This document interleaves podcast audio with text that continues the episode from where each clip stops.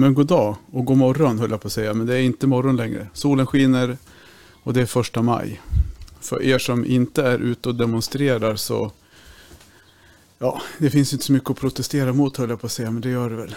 Så kommer här ett litet snabbavsnitt kanske man skulle kunna kalla det för. Vi måste ju släppa ut materialet som jag spelar in. Och vi har spelat in en intervju med Martin Alfalk där han berättar om läget i, ja, men i kakelbranschen. Lite historik och lite nuläge och lite vad han tror om hur det kommer kunna bli under året. Martin Alfalk är ju från Badudden som är agent för några stora fabriker ute i Europa, Italien och Spanien framförallt. Och vi har ju hört honom några gånger. Och han säger väl kanske inte lika samma saker som Roberto Freddi gjorde i det tidigare avsnittet som vi släppte om hur det var från Imolas ja, sida så att säga. Men han kommer väl ändå ge någon form, form av ja, parallell och ja, hur han ser på det helt enkelt. Och som, eh, ja, ingen sidekick idag. Mike ut och skjuter pang-pang i skogen med Kim och Emil.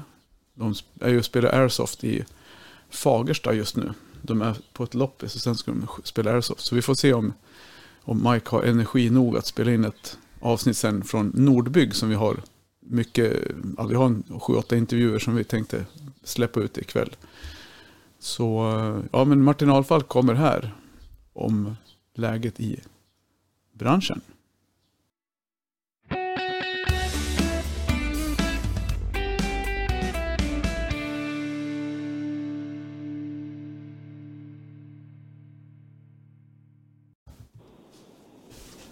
Ja, då sitter vi med Martin Alfalk på tråden. Hej Martin! Hej! Och du är ju, du har ju varit med några gånger tidigare så folk som lyssnar vet ju lite grann vem du är. Men du får gärna säga några korta ord om vem du är och vad du gör. Ja, jag driver ju ett företag som heter Badudden AB tillsammans med min kollega John. Eh, och vi är ju agenter, det vill säga vi är kakelfabrikernas förlängda arm när det gäller försäljning och utbildning och så. Så att, eh, har jobbat med keramik sedan 1993. Så det är väl lite kort. Du är en riktig veteran med andra ord. ja, lite grann. Kan man ju säga. Ja men absolut. 93, då ja. var jag knappt född på det, men det var jag. Nej, inte jag heller. Du, men alltså det är mycket, mycket som händer i, i världen och som påverkar vår bransch väldigt hårt. Eh, jag tänkte, det, vi har ju haft det lite grann, vi hade med Roberto Freddi som berättade för två avsnitt sen berättade han lite grann om, om hur, hur Imola, hur det har drabbat dem, eller drabbat, men hur de, situationen ser ut för dem och hur de har prioriterat och, med olika serier som de väljer att inte producera och så vidare. Men hur ser det ut för, för dina fabriker som du jobbar med? Hur, liksom om man börjar från krigsutbrottet och framåt, eller kanske om det var så att det började innan krigsutbrottet. Du får gärna berätta lite grann. Ja, exakt. Nej, men man kan väl säga att det var väl, eh, det var väl kriget som startade eh, det som gjorde att det blev tufft. Och det som gjorde det tufft det var ju en blandning av olika saker. Dels var det ju skenande gaspriser redan ja, det kom ju sig lite innan kriget. Eh, som sen eskalerade i och med kriget. Men sen är det ju utöver de här skenande gaspriserna så är det ju också så att eh, kaolinet som är en av tre jätteviktiga beståndsdelar när man tillverkar keramik. Den tas ifrån eh, Ukraina. Mm. Eh, I, stort sett, I stort sett alla fabriker tar kaolinet som det heter, det är alltså en vitlera, tar man från Ukraina. Dels för att den är, anses vara den bästa kvaliteten och den är också dessutom relativt billig i förhållande till an, annan kaolinlera. Mm. Eh, och det gjorde ju då att när det blev brist på det så fick ju fabrikerna styra om och köpa Eh, Caroline från Turkiet eller Brasilien och så vidare, eller Tyskland.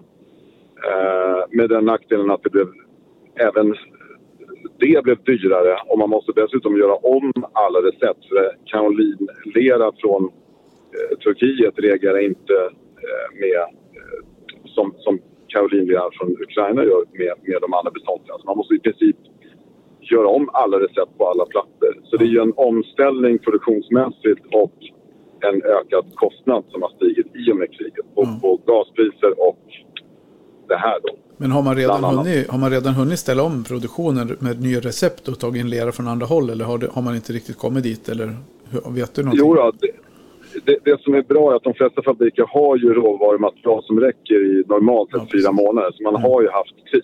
Och, och när, jag kan bara prata för våra fabriker, men de har klarat det här bra. De har alltså inte behövt stänga.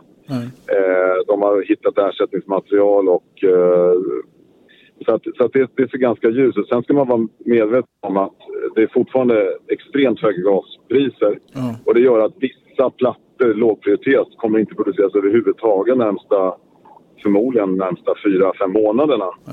Så eh, om, vi, om vi pratar eh, våran värld, salt och pepparplattor kommer du nog inte kunna hitta någonstans skulle jag tro just Nej. nu.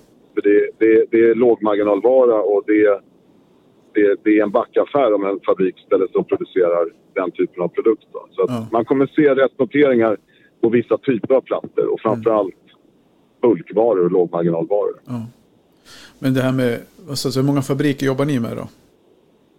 Vi har väl tio fabriker idag. Så, så tio fabriker och av dem så är det ingen som har behövt stänga produktionen på grund av att man inte får fram råvaror. Nej, eh, och det är, ju, det är vi glada för. Sen, sen vet vi att, eh, jag, jag vet inte procent hur många som stänger eh, och de flesta stänger ungefär tre veckor då. Men, men eh, det är ju en hel del som stänger. Sen vet jag inte om det är 30 procent eller Nej. 40 eller men det är Men- ganska många som gör.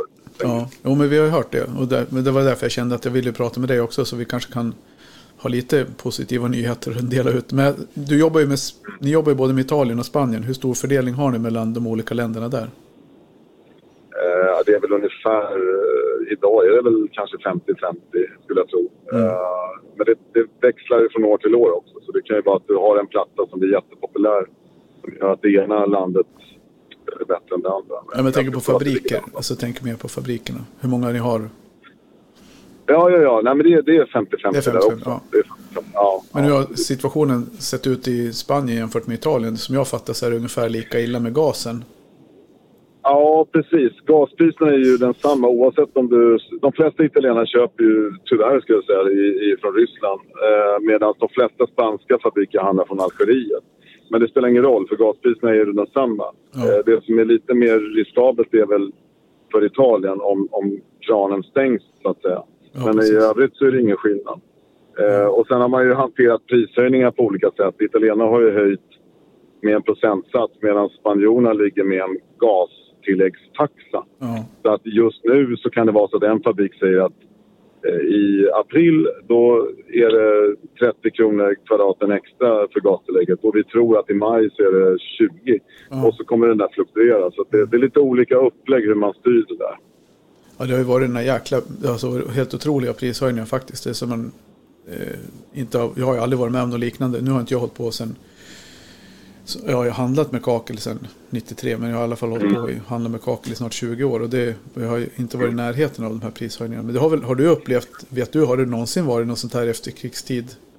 Mm, nej, inte, inte under min tid. Men sen kan man väl säga, jag vet inte, vi, vi, våra fabriker har ju å andra sidan legat i stort sett samma prisnivå under åtta år. Senaste Ja. åtta åren så tror jag inte vi har knappt höjt någonting. Så det var väl på ett sätt, slår man ut det under, under tio år så tror jag inte höjningen är så stor. Men det är klart att, eh, och det finns ju andra branscher, om vi tar trädgårdsbranschen som är betydligt värre höjningar än vad vi har. Men jag skulle uppskatta att snittfabriken idag har väl höjt mellan 20 och 35 procent. Och det är ju extremt mycket under, under ett antal månaders tid. Bara. Så det, det är ju mycket. Ja, absolut. Det är, det är helt galet. Men hur, vad tror du? Om vi, ja, då vet vi lite grann vad som har hänt och hur det ser ut idag. Men vad tror du framåt? Hur, har du någon, alltså du behöver inte, det finns ju ingen vetenskap eller du har ingen säkerhet i det. Men vad tror du själv? Hur ser närmaste året ut? Jag, Om du får gissa. jag tror när det gäller, ja, jag, jag tror att det, man, det som kommer att hända är att det kommer att bli leveransproblem generellt för fabriker. Eh, och det kommer slå olika hårt beroende på vad fabriken är specialiserade på. Tuffast är det för de här billiga bulkfabrikerna som, som eh, eh, där, där, där varje kvadratmeter, om man räknar i procent, så blir det ju, slår det mycket hårdare. En platta som kostar liksom, eh, som är väldigt billig med de här gaspriserna blir ju väldigt mycket dyrare. Så differensen mellan billiga produkter och premiumprodukter kommer bli mindre. Alltså det kommer bli min, eh, alltså, så, så på så sätt så, så, tror jag det kommer drabba dem mer än de här premiumfabrikerna. Mm. Sen, sen gäller det ju också, och, och sen kommer det bli eh, restnoteringar på produkter som är smör och bröd och som är mm. låg marginal på. Fabrikerna kommer vilja producera mer big slabs och sånt som de kan tjäna pengar på. Mm.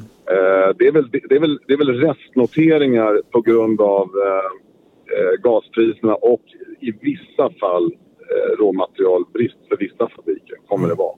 Det kommer bli leveransproblem eh, i ett antal månader. Sen hänger det mycket på eh, kriget och, och det, det, finns ju många faktorer. Men, men, eh, men hur, stor, hur stor del, liksom, för jag tänker också så här, efterfrågan i Ryssland, där jag, den har jag tvärstannat nu, för det exporteras väl ingenting till Ryssland i dagsläget.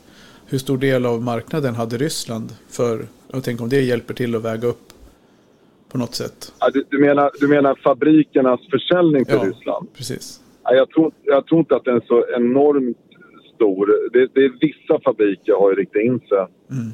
på, på, på, de senaste kollektionerna på ryska Det är klart, mm. där slår det ju hårt. Uh, men det, det, är ingen jätte... de stora kunderna är ju oftast Tyskland, Frankrike, mm. Italien, Spanien, USA. Det är väl där man tittar främst. Uh, så att jag tror inte att det är så illa just när det gäller totala försäljningen. För och sen det, och sen det som säljs i Ryssland, det är väl fortfarande det som inte folk köper i Sverige. Så det spelar väl ingen roll kanske? Ja, men så är det absolut. Ja. Det är en helt annan äh, estetik på, ja exakt, ja. Det, det, är en helt annan typ av plattor som säljs. Ja, perfekt. Ja, så det var exakt det jag ville höra. Eller ville höra. Jag ville hellre att du har sagt någonting mer positivt. Men det var det som var syftet med den här intervjun, att få, få höra din syn ja, på det. Ja jag ska vara tydlig och säga, det är klart att, att det finns ljusglimtar i det här. Det, det är klart att vi, vi, vi vill ju se på... Det finns uh, saker som ser... Uh, det, här, det här rensar ju också ut en del... Uh, just bara den här lilla skillnaden mellan att differensen mellan premiumplattor och billiga plattor kommer suddas ut ja. är ju positivt. Det vill säga att kvaliteten kommer i och med det här öka indirekt. Mm. Eh, plus att jag tror att eh, de kunder som kommer vara försöka prioritera vissa typer av plattor och ha en ständig dialog med fabrikerna med lagerstatus kommer klara sig bra. Eh, de som har låga lager och en jättespridning på produkter kommer få det tuffare. Jag tror man måste selektera, selektera sina lagervaror bättre på ett annat sätt. Ja, vi, hörde ju, vi hörde vad Imola sa, hur, hur, mycket, hur mycket de hade ställt om sitt sin lagerhållning från mm. att de har legat på 20, om jag minns rätt nu, jag tar någon papper framför mig, 20 miljoner kvadratmeter i lager till att de ligger på eh, strax runt 2 miljoner och de borde ligga på mellan 8 och 12 mm. miljoner. Och då mm. fattar man ju vilka jäkla volymer det är som produceras. Så, ja, så de låg väl på en produktionstakt på, ja de låg på 100% produktion och har en mm. efterfrågan på 130%. Så det blir ju, då är det ju svårt, ja. att, svårt att få ihop det. Exakt, så det är därför det kommer bli restnoteringar. Men jag tror att eh, det, det, idag handlar det jättemycket om dialog mm. mellan sådana som oss, agenter, fabrik och, och importörer. Mm. Eh, och, och, och, lite bättre framförhållning och planering. Då kommer, mm. då kommer det falla väl ut. Eh, men det här att man liksom ska ha som ett apotek, att allt ska finnas i lager och korta ledtider. Det, det, det är inte lika lätt. Nej, inte det närmaste året. Absolut inte. Nej. Jättesnällt Martin. Tack, stort tack för att du mm. tog dig tid. Ja, inga problem. Kanon. På återhörande. Ja. Hej. Hej.